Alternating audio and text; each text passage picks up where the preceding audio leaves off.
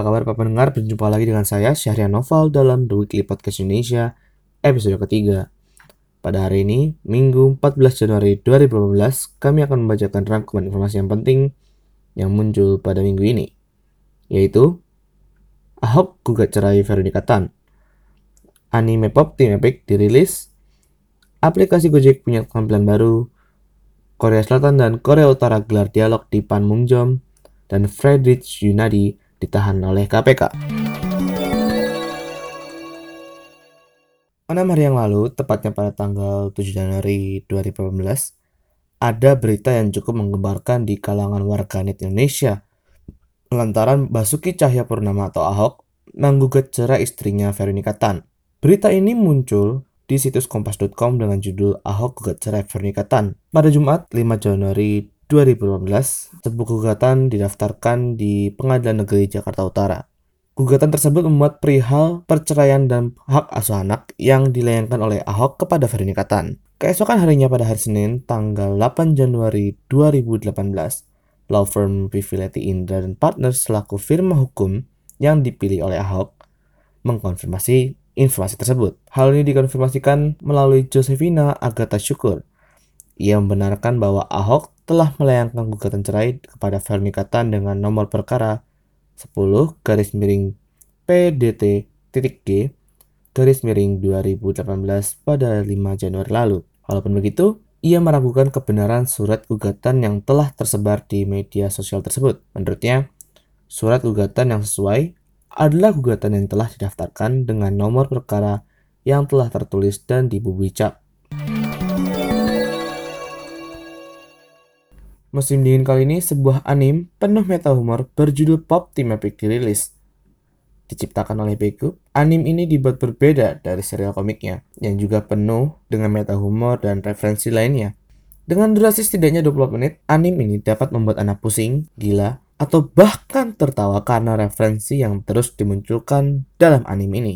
Anime ini menceritakan tentang dua orang sahabat yang sangat akrab, yaitu Popuko, si pendek yang suka mengamuk, dan Pipimi, si tinggi yang suka santai. Mereka akan melakukan banyak hal gila di luar nalar dan tentunya penuh dengan kata-kata makian. Anime ini disutradarai oleh Jun Aoki dan karakter suara dari Popuko dan Pipimi diisi oleh Sumire Osaka dan Mika Kokomatsu.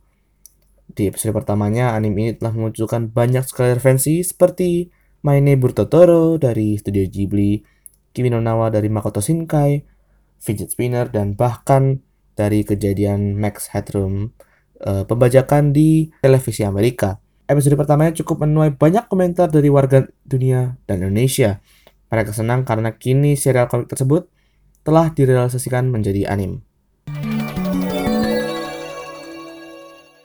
Beberapa minggu yang lalu, Kim Jong-un dalam pidato tahun barunya mengatakan bahwa Korea Utara membuka pintu dialog dengan Korea Selatan. Hal ini juga disepakati oleh Korea Selatan dan akhirnya kedua negara tersebut merealisasikan dialog tersebut. Dialog tersebut diadakan di Panmunjom, sebuah desa kecil yang dikelilingi oleh kekuatan militer dari Korea Selatan dan diadakan pada tanggal 9 Januari 2018.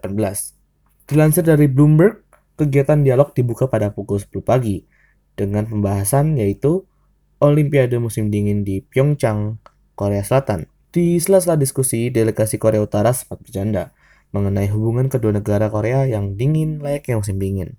Dan Korea Utara sempat meminta cara terburu-buru kepada media Korea Selatan untuk menyiarkan rapat mereka secara langsung. Namun hal tersebut ditolak oleh Korea Selatan karena terlalu memakan waktu. Pada pukul 2 siang, Korea Selatan mengajukan proposal kepada Korea Utara sebagai berikut mengadakan acara reuni keluarga yang terpisah sejak Perang Korea saat tahun baru Imlek mendatang.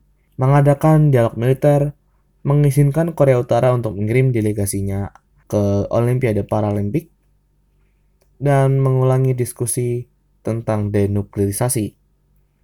Pada pukul 6 lebih 15 menit, kedua negara menandatangani nota kesepakatan bersama dan mengakhiri pertemuan pada pukul 8 lebih 15. Bagaimana nantinya masa depan Korea Selatan dengan Korea Utara? Mari kita lihat saja nanti. Setelah dicekal untuk pergi ke luar negeri hingga digeledah beberapa kali, KPK memutuskan untuk menahan mantan pengacara Setia Novanto, Friedrich Yunadi. Sebelumnya, Friedrich dijemput paksa oleh KPK pada Sabtu 13 Januari 2018 pada pukul 12.30 malam waktu Indonesia Barat. Setelah lebih dari 10 jam, ia keluar dari gedung merah putih KPK dengan menggunakan rompi berwarna oranye pada pukul 11 siang waktu Indonesia Barat.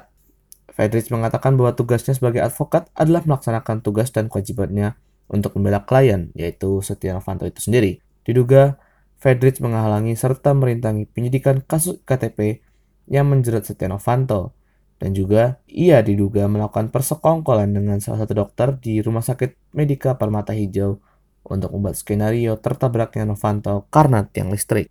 Dr. Bimanes, orang yang terlibat dalam hal tersebut, juga dijadikan tersangka oleh KPK dan ditahan.